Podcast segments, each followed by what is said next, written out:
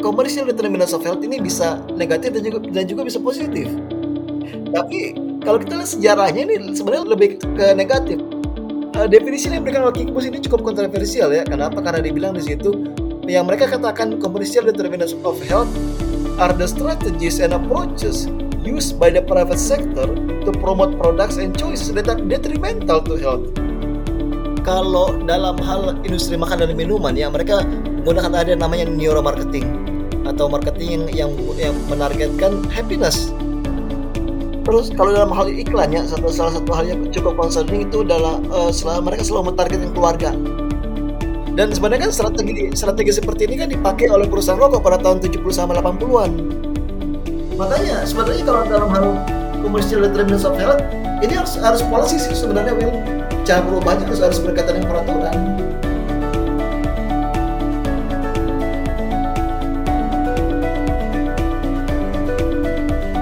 Halo semuanya, selamat datang lagi di podcast Sehat Seutuhnya season yang kedua bersama saya Will Yonas.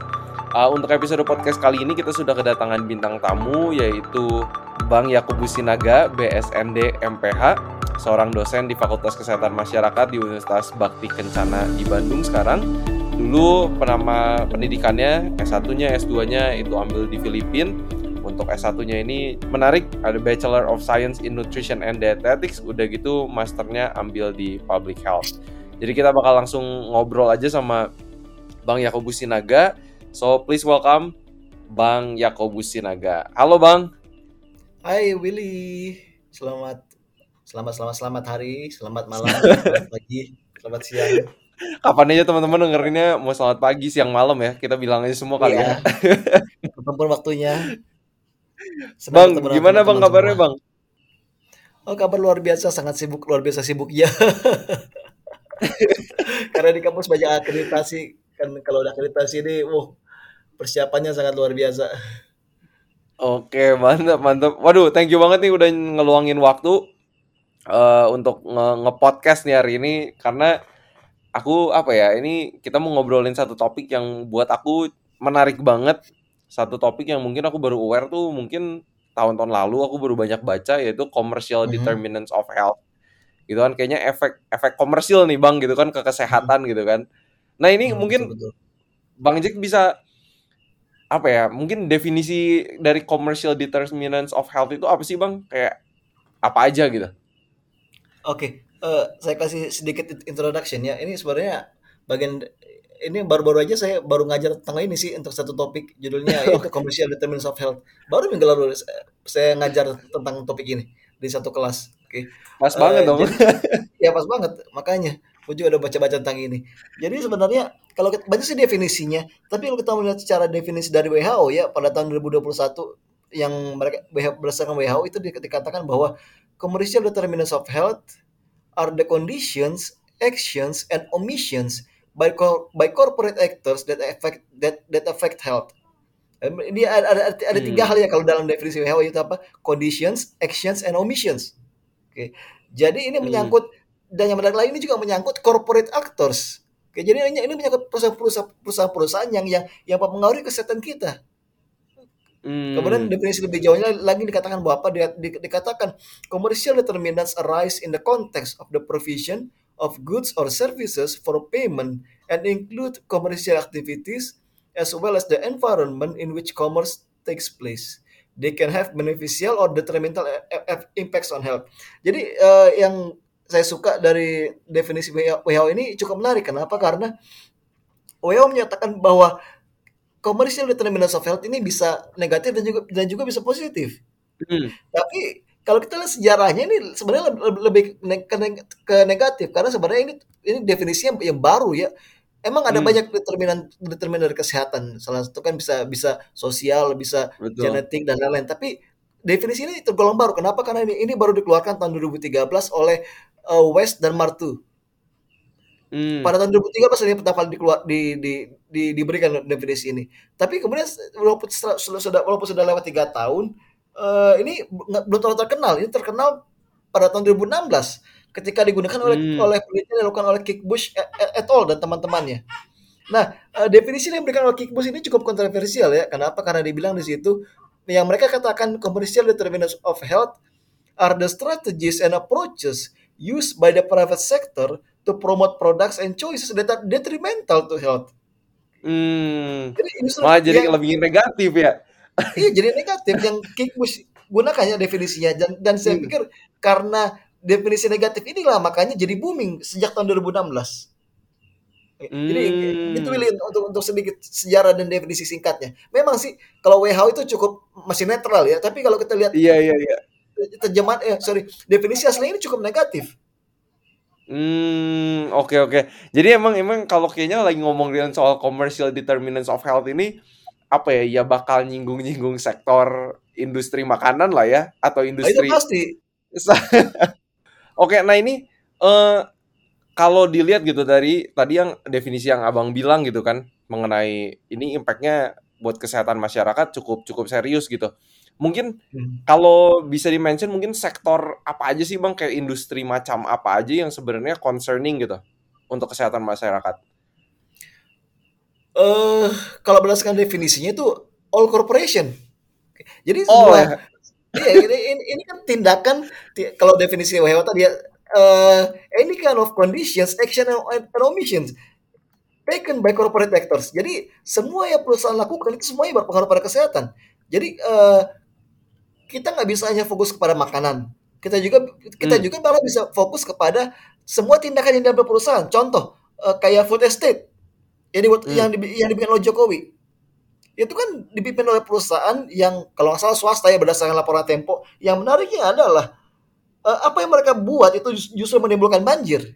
Dan ini termasuk dari commercial determinants of health.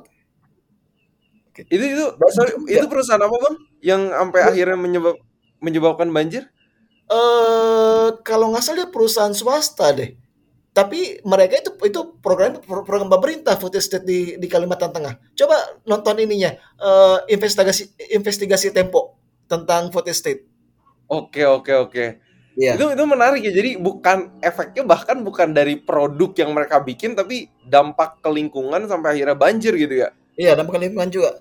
Tetapi ya memang kalau karena saya dari karena gue dari gizi ya, ya fokusnya apa sih? Makanan juga banyak kan pro, makanan perusahaan-perusahaan makanan yang yang gunakan taktik-taktik, strategi-strategi yang yang justru membahayakan kesehatan.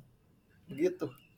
Right, right, right. Bener kayaknya ya kalau dilihat apa ya, ya makanan bungkusan lah, produk-produk yang emang ya gampang banget kita temuin di supermarket juga kali bang ya. Ya kayak rokok juga itu kan Iya. mereka juga termasuk commercial determinants of health. Ada strategi-strategi marketing yang kurang pantas. Hmm. Nah itu Gitu. yang aku selalu heran tuh bang ya kayak aku kan karena karena suka lari ke gunung gitu kan. Terus Hmm. kayak ke kampung-kampung kecil yang di gunung-gunung aja aku tuh sering banget gitu. Maksudnya makanan bungkusan lah, rokok tuh nyampe gitu ke ke yang pelosok-pelosok banget gitu kan. Kayak apa ya? Ya sedih aja sih. Kayak apakah marketing se- mereka tuh marketingnya gencar banget sampai akhirnya ke kampung-kampung gitu pun udah nyampe gitu. Dan akhirnya ya ya bisa mengganggu kesehatan mereka gitu. Nah kalau yang abang lihat nih marketing-marketing mereka ini gimana sih bang caranya sampai akhirnya tuh bisa ngedapetin mereka gitu beli-beli produk ini gitu. Kalau dalam hal industri makanan dan minuman ya mereka menggunakan ada namanya neuromarketing atau marketing yang yang yang menargetkan happiness. Dan ini, Hmm. ini kan contohnya banyak lah. Eh, apa apa nama paket di di McDonald Willy?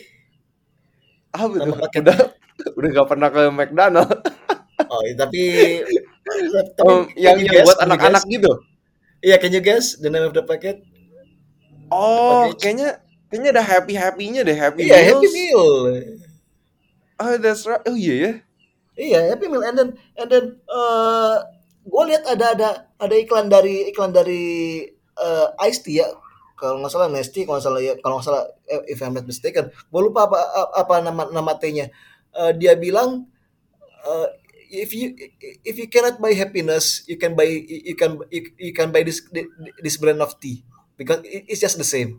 Oke, jadi jadi saya- dikatakan itu kalau Wow. kalau anda nggak bisa beli kebahagiaan, bisa beli teh ini dan itu sama saja. Kan ini kan hal seperti ini yang yang yang terkadang membuat orang oh eh, hanya kalau kita makan produk ini kita bisa bahagia. Oke, kan kita kan nggak Hmm. pernah bilang kan oh kalau saya lagi makan di warteg saya bahagia itu namanya hanya bisa didapat di mana di di di di McDonald's atau di di di di restoran fast food yang lain. Oke. Hmm. Wih, Terus ini slogan mereka lah. Lihat lihat, lihat slogannya apa nama apa slogannya? I'm loving it. Loving it. Ada ada, kata berisa, ada ada, ada kata love. Jadi Hmm. i- ini namanya neuromarketing di mana mereka mentargetkan happiness kepada Wow. konsumen. Oke. Dan dan mereka mereka apa kayak kayak mengindikasikan bahwa produk mereka itu berkaitan dengan dengan, rasa kebahagiaan dan emang secara neuro neuroscience juga setiap kali kita makan produk mereka kan ada adrenalin rush, ada apa lagi ada dopamine rush dan hal seperti Hmm. itu membuat kita high kan, high high the sense of of dan dan- dalam hal makanan dan kesenangan dan dopamin. Begitu, Willy. Hmm. Iya soalnya maksudnya makanan yang mereka sajikan aja hyper palatable food gitu kan. Iya. Menstimulasi lidah kita yang hebat sampai kita akhirnya juga ya susah berhenti gitu kan makannya Hmm. juga. Tapi udah gitu itu menarik banget sih yang neuromarketing yang Bang Jack bilang karena berarti ini kan ada main kata-kata juga gitu kan dengan ya segala teknik marketing yang mereka mereka ungkapkan gitu. Cuman yang mungkin mereka nggak pernah ungkapkan kan mungkin the side effect dari produk yang mereka jual gitu kan bang. Iya. Eh, terus kalau dalam hal iklannya satu salah satu hal yang cukup concerning itu adalah eh, selalu, mereka selalu mentargetkan keluarga. Hmm. Jadi dalam setiap iklan iklan-iklan fast food, bukan hanya fast food, bahkan iklan-iklan kayak eh, makan-makanan produk kayak energen lah. Hmm. Hmm, kayak energen. Itu iklannya selalu selalu selalu berkaitan dengan keluarga. Ada ada ayah, ibu, eh, anak di situ. Jadi hal ini Hmm. ya, hal ini menunjukkan bahwa produk mereka seakan-akan ditujukan kepada kepada kepada untuk, untuk, untuk dalam setting keluarga dan juga kepada anak-anak terutama. Hmm, nanti nanti pas anak-anaknya lagi di supermarket sama keluarganya gitu kan udah gitu ingat-ingat iklan itu nunjuk produk energen langsung gitu kan. Iya. Dan sebenarnya kan strategi strategi seperti ini kan dipakai oleh perusahaan rokok pada tahun 70 sama 80-an. Oh iya? Dulu Iya. boleh ya? Kayak kayak eh dulu perus- perusahaan rokok ada namanya Jo- Joe Camel untuk anak-anak. Targetnya tuh itu anak-anak kartun. Oke. Really? Itu, itu sebelum sebelum dilarang dan dan kalau lihat lagi ya bagaimana bagaimana eh, per- perjalanan perusahaan rokok itu pada tahun 89 mereka mengakuisisi General Foods. Oke. Dan itu Heeh. digabungkan dengan Crafts. Wow. dan dan dan itu mereka juga mereka juga juga beli banyak perusahaan makanan loh seperti Cadbury juga itu dibeli oleh perusahaan rokok Wah, sadis juga ya. iya dan eh, bahkan sebenarnya General Foods itu udah udah punya udah punya perusahaan rokok punya punya ini Philip Morris sebenarnya Hmm. Philip Morris internasional jadi eh, sekarang kebaikan perusahaan makan itu sudah dipegang sama perusahaan rokok sebenarnya udah di, udah diakuisisi Wow. Nah, kalau tadi Abang bilang itu cara marketing rokok dulu apa dalam bentuk ya keluar menargetkan keluarga gitu-gitu di tahun Hmm. 70 80 tapi kan udah gitu dilarang nih. Tapi Iya. kok sekarang makanan-makanan yang kemasan, makanan bungkusan ya fast food kayak gitu kayaknya belum dilarang gitu kan padahal maksudnya dampak ke kesehatannya kan lumayan jelas lah gitu. Eh, dalam hal dila- dilarang dalam hal iklan atau dalam dalam hal konsumsi Nah, iya ik- iklan kali ya. Soalnya kalau kayak rokok gitu kan sekarang bener-bener nggak boleh nggak boleh ada rokoknya, maksudnya ketat banget kan marketingnya gitu kan. Hmm. Tapi kan dalam mungkin kita kita bilang kan dalam hal rokoknya, tapi kan di, di Indonesia sendiri itu kan nggak nggak diatur berapa jauh dari dari dari sekolah. Contoh lalu pernah kunai belum? Kenapa? Kapan lo terakhir kunai? Terakhir ke Unai minggu lalu. Oh, lo notice nggak kalau dari kalau lo dari de- depan dari, dari, dari depan gerbang Unai lo turun ke ke ke mana tuh kalau yang ke arah eh, yang yang, Cianjuang. Eh Cianjuang, ah. Ah, lo coba lihat di, di, di kiri kanan itu ada ada iklan rokok lo. Ada benar-benar rokok. Oh, nggak merhatiin tuh. Lo, lo coba perhatiin nanti ya berikutnya kalau lo kona itu di, sebelah di kiri kanan itu ada benar rokok. Itu karena maksudnya mereka langsung menargetkan mahasiswa. Sekolah pasti. Hmm. Ini gue ada penelitiannya dari tunggu tunggu gue buka dulu. Eh, Oke. Dari Sri Handayani et al lah sama and the gangs. Hmm. Judulnya is youth smoking related to to to the density and proximity of outdoor tobacco advertising near schools evidence from Indonesia dan mereka kasih kesimpulan em emang benar ada ada ada ada ada pengaruh yang signifikan antara banyaknya iklan-iklan rokok di sekitar di, di sekitar sekolah. Hmm. Jadi, jadi kayak mereka jadi kalau kalau misalnya di di satu sekolah itu ada ada high density dari iklan rokok uh, itu mereka memiliki risiko dua, dua kali dua koma enam belas kali lebih tinggi untuk merokok dibandingkan dengan mereka yang yang yang di lingkungan sekolah itu densitas itu rendah. Hmm. Nah itu lucu juga ya bang ya maksudnya kalau misalnya kayak di TV oke okay lah nggak ya iklannya di jam-jam tertentu doang gitu kan sekarang kan hmm. cuman yang boleh malam gitu. Cuman tapi praktek di lapangannya di dekat sekolah masih ada banner-banner promosi rokok gitu ya jadi apa ya sih susah juga kali bang ya iya. Terus sekarang juga uh, gue gue gue bilang sih itu nggak relevan lagi bikin bikin iklan rokok di TV karena ya karena mereka pasang di di ini kok di website website website website website website ini lagi berita. Gue iya iya benar benar kali gue pernah pernah ini gue lagi buka detik ini. Ada di detik loh. Gue lagi lihat ini sekarang. Camel Intense Blue. Kretek. Terus kalau misalnya kamu itu kan umum. Wow, gila juga ya. Tapi kalau dipikir-pikir maksudnya apalagi kalau misalnya orang lagi buka detik health gitu, nyari informasi kesehatan terus iklan yang muncul rokok. Iya. Wah, emang emang sekarang maksudnya marketing ini lebih ke digital marketing gitu, Bang ya? Uh, iya. Dan dan gak tahu sih kalau dari sisi public health gitu kan apakah ini udah ada regulasinya atau sebenarnya kayak masih lagi dirancang dan masih nggak tahu gitu bagusnya gimana gitu.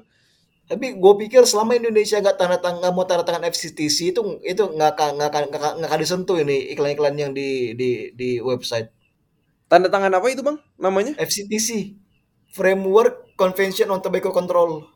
Oh, apa tuh bang? Mungkin boleh boleh dijelasin Jadi FCTC ini adalah kayak seperti perjanjian internasional ya yang yang untuk yang akan menekankan lebih lebih dalam tentang pelarangan produk rokok bukan hanya produk rokok sih lebih ke kita nggak boleh kita nggak boleh rokok di di di public places terus uh, iklan iklan rokok hmm. itu benar-benar ditekan lah dibanding berbeda dengan sekarang.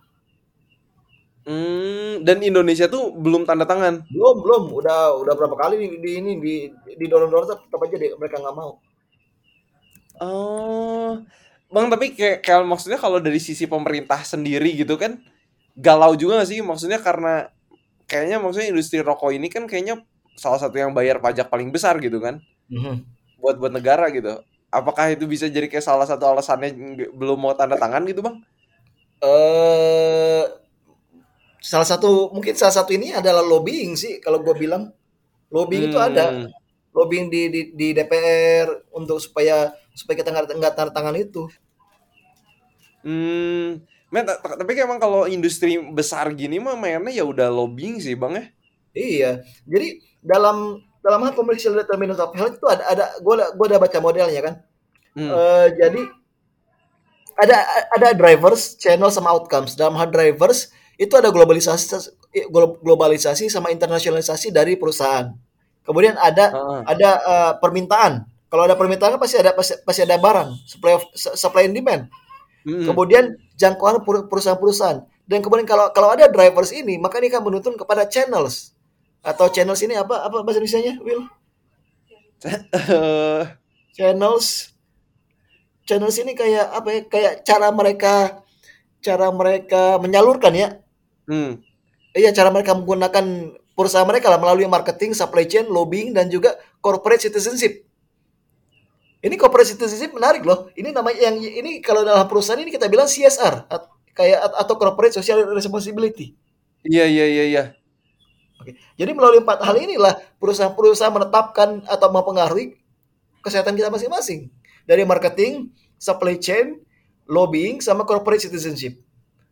Dan wow. dan menurut gua ya yang paling efektif di antara empat ini adalah corporate citizenship. Oh ya? Iya. Lo pernah dengar ini nggak Garuda Select? Belum. Apa tuh? Uh, ini program yang dilakukan oleh oleh PSSI PSSI sebenarnya. Jadi mereka kirim huh? or, uh, pemuda-pemuda Indonesia masih masih muda banget sih uh, untuk latihan bola di Inggris atau di Eropa. Oke. Oke.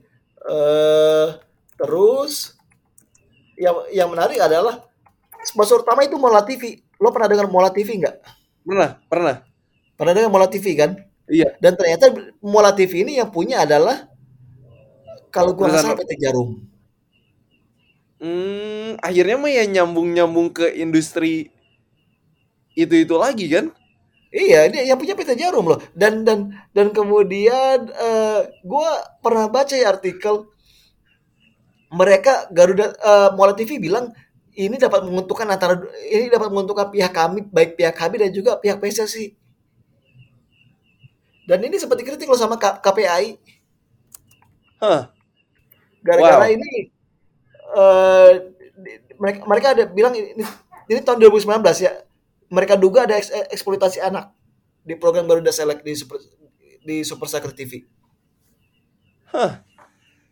Wow. Padahal itu Karena karena KPI duga ini ada hubungannya dengan dengan industri rokok. Dan emang benar Mola TV itu dimiliki oleh PT Jarum. Hmm. Wow, ini kak maksudnya kayak apa ya? Problemnya tuh udah sistemik nggak sih bang? Ya karena memang sih secara langsung itu di, kalau gua nggak salah di Indonesia itu emang nggak boleh eh, perusahaan rokok atau industri rokok itu sponsor kegiatan olahraga. Hmm. Eh, tapi di sisi lain mereka masih banyak masih banyak bikin sekolah-sekolah badminton kok. Lo mas- lo pernah dengar kasus yang Iya. yang, yang dua atau tiga tahun lalu di mana eh, kalau nggak salah Jarum ya gue lupa. Tapi kalau nggak salah Jarum deh. Jarum cabut beasiswa atau cabut cabut atau tutup gue lupa. Pokoknya mereka cabut beasiswa untuk eh, anak-anak yang latihan badminton. Hah. Itu, Wow. itu kan itu, itu ada kaitan juga dengan KPI. Jadi KPI yang protes du- dugaan eks- eksploitasi anak. Tapi yang menarik adalah rata-rata semuanya pada pada bela programnya loh. Termasuk menteri. Hah. Menteri juga bela programnya. Wah, ini menarik juga, makin menarik lagi ya. Iya. Man, ini kayaknya apa ya? Kita kita lagi facing ya big problem gitu. Karena Mm-mm. gimana ya maksudnya masyarakat ini mau sehat tapi supaya nggak kemakan iklan, nggak kemakan industri gitu kan. Karena ya aku selalu pikir bang kayak petani-petani yang jualan sayur, buah, biji-bijian, kacang-kacangan yang sehat gitu kan. Mereka yang nggak pernah dimarketingin maksudnya di TV Iya. lah atau dipromosiin gencar-gencaran gitu kan. Dia so- sorry Will, gua tambahin dikit. Jadi ini gua kutip dari dari Tirto. Menpora Oke. yang, yang zaman dulu Iman Imam Nahrawi. Dia komen apa Aha. dia bilang mestinya jalan ini dalam hal PB Jarum yang yang udah nggak gelar audisi lagi pada tahun 2020. Jadi jadi so- sorry ya gua gua ralat. Jadi jadi PB Jarum ini tutup sekolahnya. Udah nggak mereka nggak bikin audisi Hmm. lagi pada tahun 2020. Gara-gara tuduhan KPI kalau itu, kalau itu ada eksploitasi anak. Yang menarik adalah Menteri Men- Menpora justru bilang mestinya jalan terus karena tidak ada unsur eksploitasi anak. Bahkan audisi Jarum sudah melahirkan juara-juara dunia. Lagi pula olahraga butuh sponsor. Ayo lanjutkan. Itu Men- Menporanya bilang loh. Hmm, ya karena itu nampaknya tuh kontradiksi gitu kan. Maksudnya ini satu hal promote olahraga gitu kan. Tapi di satu hal lagi disponsorinnya di bajunya apa semua nempel nama PT Jarum gitu kan. Iya. Jadi kan dilematis ini ini ini namanya corporate, corporate citizenship atau atau CSR lah. Hmm, Sederhananya. iya iya iya iya. Kayak giving back to to community gitu kan. Iya. Tapi ya bawa nama PT mereka, perusahaan mereka yang nggak secara nggak sadar ya itu marketing juga sebenarnya gitu kan. Hmm. Terus ini kan ada kalau ke KP, KPI lu- lumayan kuat lumayan cukup kuat argumennya karena mereka bilang ini gua kutip langsung ya sudah kami lakukan survei kepada anak-anak ada empat dari lima anak yang ditanya mengatakan kalau jarum itu pasti rokok jarum foundation itu rokok Wow. Man, ini ini menarik sih. Aku aku aku pas lagi siapin apa baca-baca ini aku nggak kepikir sampai sejauh ini sih, Bang. Ini kayak bener-bener mind blowing ya aku kayak man, ini masalahnya lebih besar daripada yang daripada yang aku pikirin gitu. Oke, gue pikir yang yang gua rasa ya setelah masalah inilah makanya mereka mulai menggunakan Mola Mola TV untuk untuk sponsor Garuda Select. Jadi mereka nggak secara langsung PB Jarum, eh perusahaan jar jarum foundation iya lagi. iya. Mereka pakai mola. Man. Iya iya iya iya, benar benar benar. Dan apa ya, padahal kan sebenarnya ya itulah ya. Karena akhirnya mereka yang mendominasi banyak industri, akhirnya ya udah sponsor dari perusahaan yang lain aja gitu kan. Padahal orangnya ya itu-itu aja gitu di atas kan. Man, Bang, ini kira-kira ya, ini untuk untuk mem apa ya, mendapatkan solusi dari commercial determinants of health ini gimana sih, Bang? Solusinya gimana ya? Kita secara kalau secara secara individu ya kita bisa meningkatkan awareness. Kita bisa Hmm. latih anak-anak kita untuk untuk untuk mengapa ya me- bukan menimbang sih untuk untuk lebih lebih mawas diri lah terhadap iklan-iklan terutama makanan dan minuman dan rokok juga sih dan berbagai hal lah.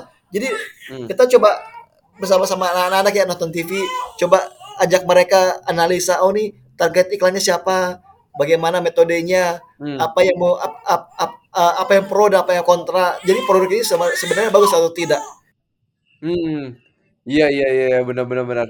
Bang, kalau misalnya ini ya, gimana caranya kit yang jualan produk sehat gitu kan, maksudnya kayak apakah kayak supermarket lah atau misalnya petani gitu kan, dapat kesempatan yang sama gitu untuk untuk promosi makanan sehat tuh lebih banyak gitu. gue pikir itu nggak akan bisa ya. Kenapa? Karena karena nggak ada di- nggak nggak ada diuntungkan kecuali para petani. Iya. Dan itu bukan big industry yang maksudnya sampai kayak korporat gitu kan. iya. Jadi itu sih eh, salah satu negatifnya. Eh, terus di satu sisi gue pikir juga selain tadi increase in- increase of of our, our awareness kita juga eh kita juga apa tuh namanya kita, kita juga kalau secara pribadi itu ini suatu hal yang sangat sulit dikendalikan karena kita nggak bisa kendalikan peraturan Hmm. Benar-benar. terutama dalam hal dalam hal periklanan lah Oke.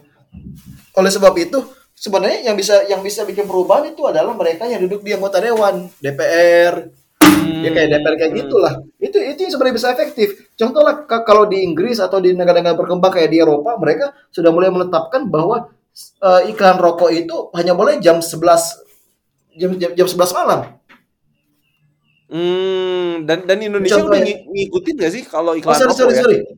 Eh, iya, sorry, sorry. Dalam hal Inggris itu, Inggris, Inggris itu melarang iklan junk food secara online sebelum jam jam 9 malam. Jadi kalau dia pagi sampai jam 9 malam itu sama sama sekali nggak ada boleh nggak nggak boleh ada iklan junk food. Really? Wih. Tapi itu mulainya baru, baru tahun 2023 ya. Oh. Jadi udah diputusin, cuman kayak mereka masih kasih company siap-siap gitu. Iya. Eh, ke- dia ma- pa- pagi pa- pagi sampai jam 9 malam itu nggak boleh ada iklan junk food. Wow, itu men Indonesia kapan ya bisa bisa ngikut kayak gitu ya? Ya harus ada DPR yang yang yang concern lah dan sampai sekarang kayaknya nggak ada deh. Dan kayaknya kalau kayak gitu ya orang-orang ya public health yang biasanya fight untuk bikin policy ya, Bang ya. iya. Eh, kemudian eh, pembatasan iklan terus yang kedua penting juga ada harus adanya pajak. Nah, benar benar. Kalau kalau kalau apa tuh namanya kalau kalau bahasa Inggris namanya si- sin taxes atau pajak dosa. Oh gitu. Iya. Di Filipina mereka udah mulai kok si- sin taxes. Syntax lah dibilang. Jadi Ja- jadi biasanya biasanya yang dipungut pajak itu adalah produk tembakau, terus minuman atau produk-produk olahan yang mengandung gula kadar gula tinggi. Oh, berarti itu ada pajak ekstra lagi. Ada pajak ekstra lagi. Naik berapa persen gitu makanannya atau minumannya Oh, begitu. di Filipina udah mulai tapi di Indonesia belum Di ada, Bang. Udah udah udah udah dari tiga tahun lalu atau empat tahun lalu ya. Oh. Kalau Dan kebanyakan dari dari hasil hasil pajaknya itu dipakai untuk feel health. Feel health ini kayak BPJS-nya lah. hmm, jadi ya dipajakin lebih terus ya buat bantu masyarakat lah. Iya. Begitu. Wih. Wow, menarik menarik ini kayaknya pengen nunggu nih siapa tahu Bang Jik bisa fight ini ya di Indonesia, Bang. Ang susah jadi DPR. Wah, berarti berarti kalau kayak gini maksudnya untuk petani-petani gitu kan mereka pasti nggak punya uang marketing kayak ini gitu kan. kayak industri-industri besar dan pas covid juga aku ngeliat di TV ya pemerintah nge apa promosiin germas lah ya pakai eh, apa gerakan masyarakat hidup sehat gitu kan tapi kayaknya habis itu hilang-hilang juga gitu nggak nggak segencar apa ya mungkin yang yang diharapkan gitu kan supaya masyarakat ya Iya. lebih rajin olahraga lebih banyak makan sayur buah gitu karena ya mungkin Kayaknya kayaknya iklan juga apa-apa cuma selingan kok. makanya kan padahal itu yang kayak ya karena gratis ya maksudnya orang olahraga ya tinggal pasang sepatu lari udah gitu tinggal udah bisa olahraga gitu kan Nah, tapi di Indonesia banyak, banyak masalah sih. Contoh kalau kalau mau olahraga, mau lari di mana? Kayak kan gue Hmm. udah pindah ke Jumberung. Ini gue susah banget cari trotoar yang bagus. Gua- jadi Benar. itu di Indonesia banyak masalah sih kecuali kalau kita kalau kita tinggal di area yang benar-benar eh, pedestrian friendly itu susah. Makanya sebenarnya kalau Hmm. dalam hal commercial determinants of health ini harus harus policy sih sebenarnya Will harus eh, harus harus cara perubahannya harus harus berkaitan dengan peraturan. bener bener bener Hmm. bener Bang, itu aku suka banget waktu itu nge came across Blue Zone Project yang berusaha mereka berusaha untuk bikin satu kota tuh jadi mengikuti lifestyle dari Blue Zone gitu kan. Dan Hmm. salah satu yang mereka benahi itu ya itu public places untuk akses ke gym, akses ke kolam berenang, akses Iya. trotoar, lari sedang itu kan ngaruh banget gitu kan Hmm. eh, sama-sama kesehatan masyarakat dan ya inilah yang harus diperjuangkan di Indonesia. Tapi kalau misalnya Iya. masih belum bisa ya itu aja yang abang bilang tadi harus mawas diri gitu kan kitanya Mm-mm. harus harus aware gitu kalau dari bang Jack sendiri gitu kan ya ini caranya mawas diri itu gimana sih buat masyarakat umum gitu Eh, kita harus meningkatkan eh, our health awareness lah, awareness tingkat kesadaran atau health literasi kita, literasi kesehatan, literasi gizi. Dengan begitu, dengan begitu kita nggak nggak nggak korban iklan lah. Contohnya kayak eh, contoh asli itu ya kayak energen lah. kan kalau iklannya apa? Lo sering dengar nggak iklannya? Apa Jarang ya. jinglenya? Jinglenya apa jinglenya? Gak hafal ya energen udah lama jinglenya tapi iklannya masih banyak kok jinglenya tuh minum makanan bergizi tapi kalau kita lihat kandungan gizi itu kosong banget sebenarnya itu kebanyakan lebih ke ke air gula sih dibandingkan terus di, di mereka di di sasinya ditulis eh, sumber serat hmm. Tapi seratnya cuma satu gram. Satu gram banget.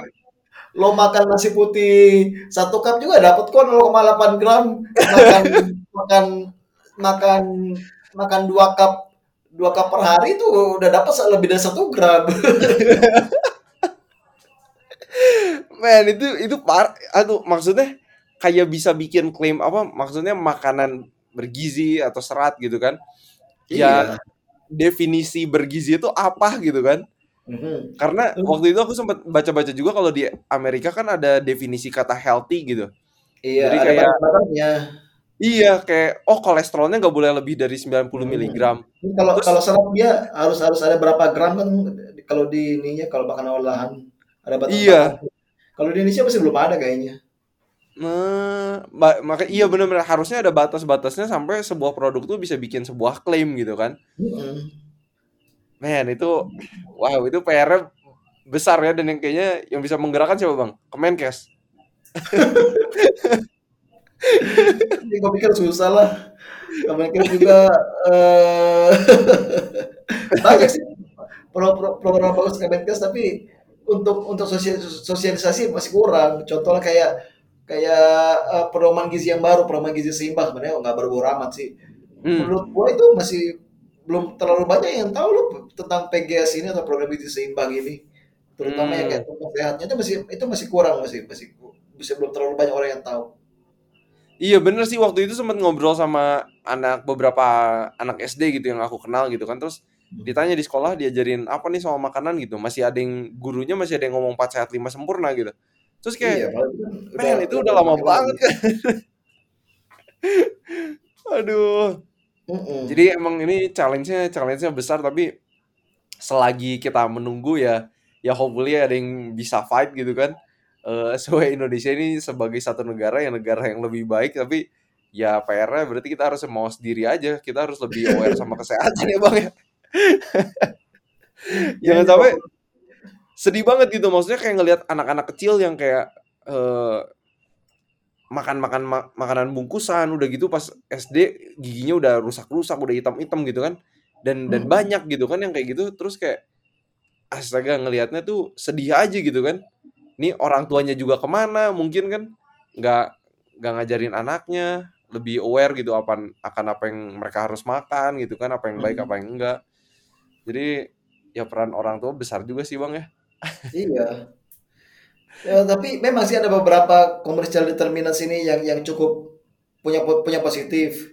Contohnya kayak eh garam peroyodium itu kan ya modifikasi dari, dari pabrik yang yang oh sorry modifikasi dari perusahaan yang menguntungkan kita. Terus hmm. penggunaan seat belt, safety features di mobil.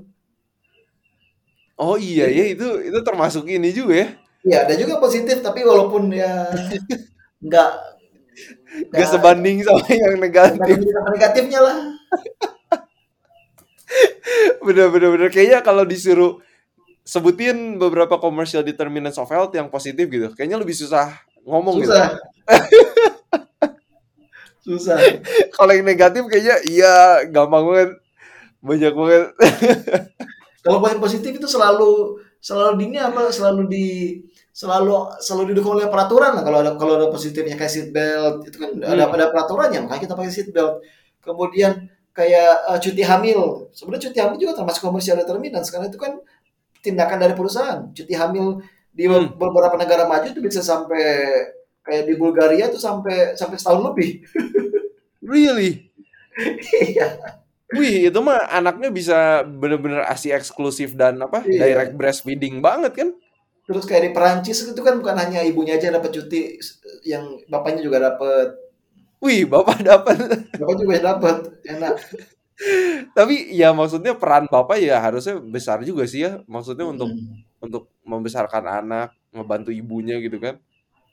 Iya, wah ini ini mah PR kita banyak banget bang aduh udah sampai kayak speechless aja ini. Jadi harus kayak gimana nih? Tapi yang kemarin aku sempat eh, ini juga searching searching kayaknya yang menarik. Eh ada berapa banyak eh, iklan makanan bungkusan dalam satu acara TV buat anak-anak gitu? Itu Eh, kalau di di Indonesia, gue belum dapat datanya ya, karena hmm, ada agak ini. Tapi di di di di luar negeri kayaknya cukup sering ya.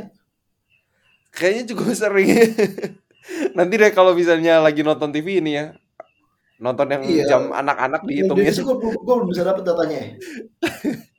Begitu. mungkin abang yang harus bikin penelitiannya nih bang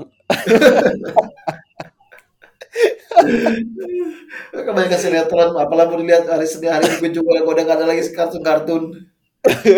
Menangis ada aja. aduh bener-bener bener bang ini wow ini aku belajar banyak juga belajar banyak banget dan aku harap nih Hmm. teman-teman yang lagi dengar podcast juga jadi terbuka ya pikirannya mengenai commercial determinants of health supaya kita juga sebagai masyarakat ya kita juga jangan apa ya lebih aware lebih mawas diri lebih tahu apa yang makanan apa yang sehat makanan apa yang enggak substance apa yang sehat mana yang enggak jangan jadi kita kesehatan kita tuh ya karena kemakan iklan gitu kita sakit karena kemakan iklan Iya.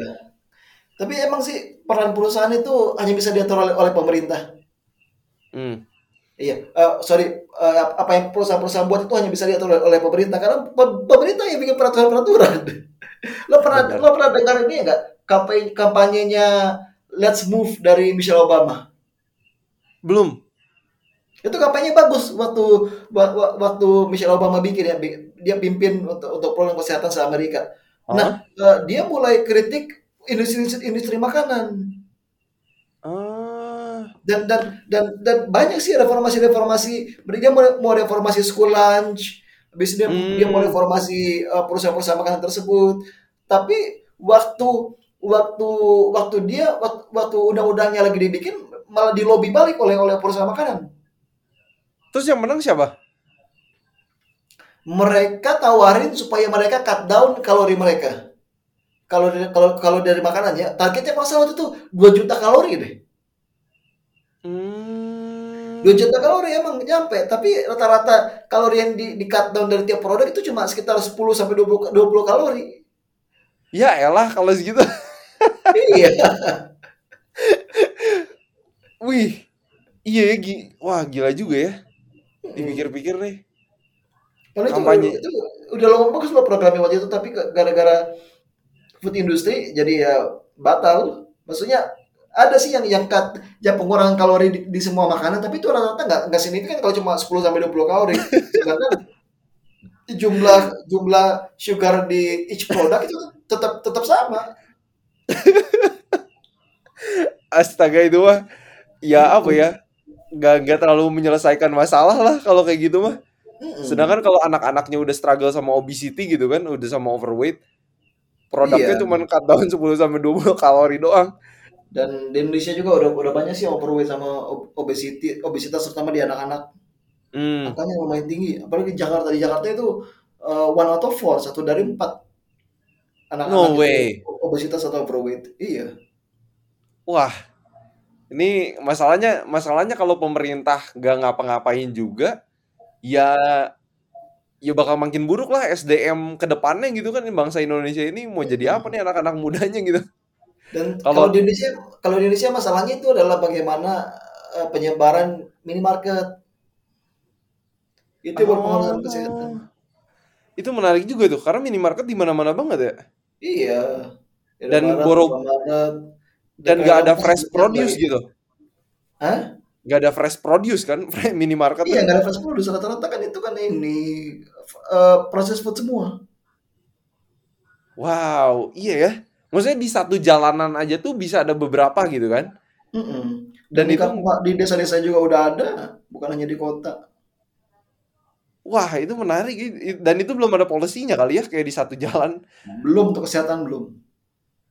Wih. Soalnya yang aku pernah baca juga kalau di US kan ada yang namanya kayak eh apa namanya? Food desert ya. Jadi di beberapa daerah ya adanya tuh fast food, terus ya minimarket gitu yang fresh produce tuh susah banget di didapetin gitu di beberapa daerah. Kalau di Indonesia ya ini tantangannya berarti minimarket nih kayaknya. Iya, terutama minimarket. Terutama apa yang mereka apa yang ada di situ. Dan orang sekarang dibikinnya minimarket apalagi dikasih wifi lagi bang ya. Tempat nongkrong. Jadi, lebih sering lebih suka nongkrong di situ. Gak ada gitu yang suka. Aduh, wow ini dipikir-pikir berat juga sih tantangan di Indonesia tapi sangat sangat sangat berat. tapi ya inilah makanya kita bikin-bikin podcast gini kan supaya create conversation supaya kita juga yang denger dengernya juga jadi lebih aware Hmm. Eh, siapa tahu ada yang berani fight nih bang siapa tahu ada yang duduk di DPR gitu kan suatu hari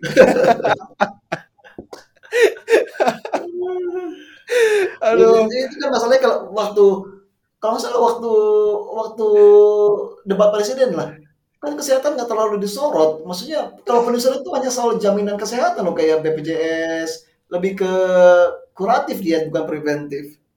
Hmm, nah itu dia. Sedangkan walaupun oke sekarang ya kita terbantu gitu ada BPJS gitu kan masyarakat, tapi Hmm. walau kalau sakit-sakitan walaupun duitnya dibayar ya buat apa juga kan? Maksudnya Iya. ya tetap nggak enak juga gitu kan?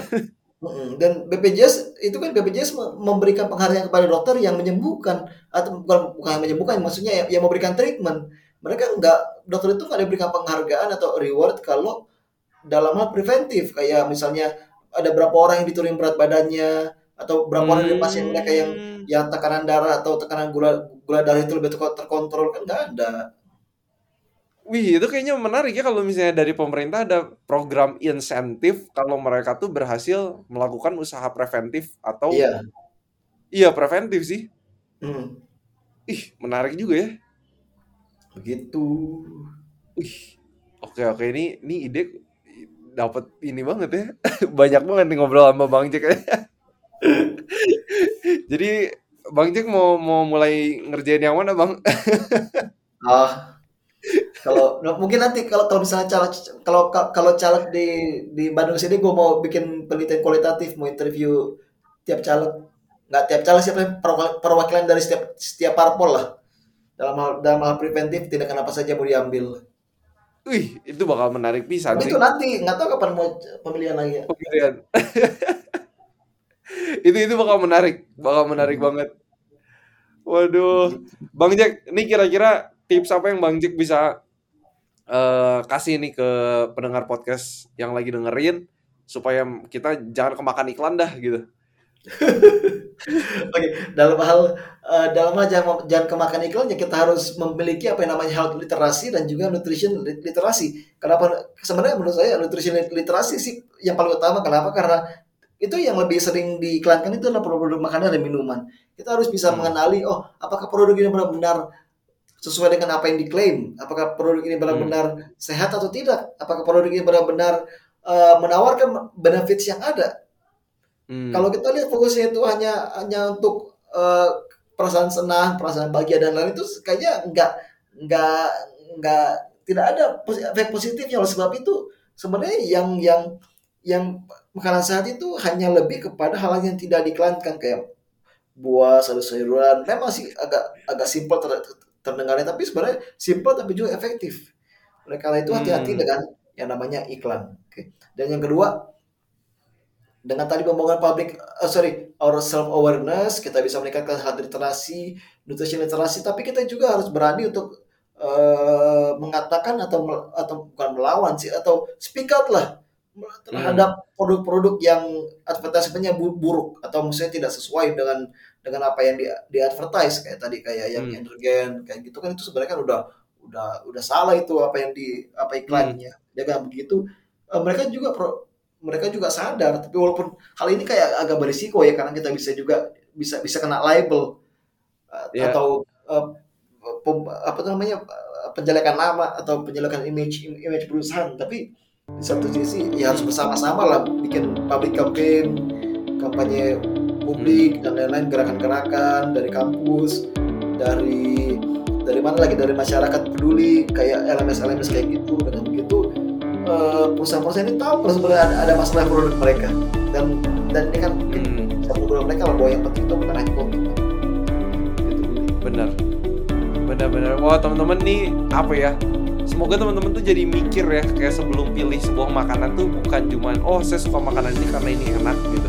Tapi lebih lebih mikir gitu kan itu kenapa saya makan ini sehat atau enggak kita lihat ingredientsnya ada apa kalorinya berapa banyak kalau itu makanan bungkusan gitu kan supaya kita kita lebih aware naikin health literacy kita. Dan eh, aku juga ngajak teman-teman yang lagi dengar podcast ini supaya eh, speak up juga em, demi kesehatan masyarakat gitu kan demi kesehatan kita bersama bukan hanya keuntungan sebuah perusahaan doang yang yang diuntungkan Bang Jack thank you so much. Ini luar biasa banget yang udah diwajib Eh, keren banget. Ntar ada topik-topik apa lagi public health yang seru untuk didiskusiin nanti pasti diundang lagi nih Kak Jack nih ayo. Oke, teman-teman seperti biasa harapan saya semoga kita sehat seutuhnya.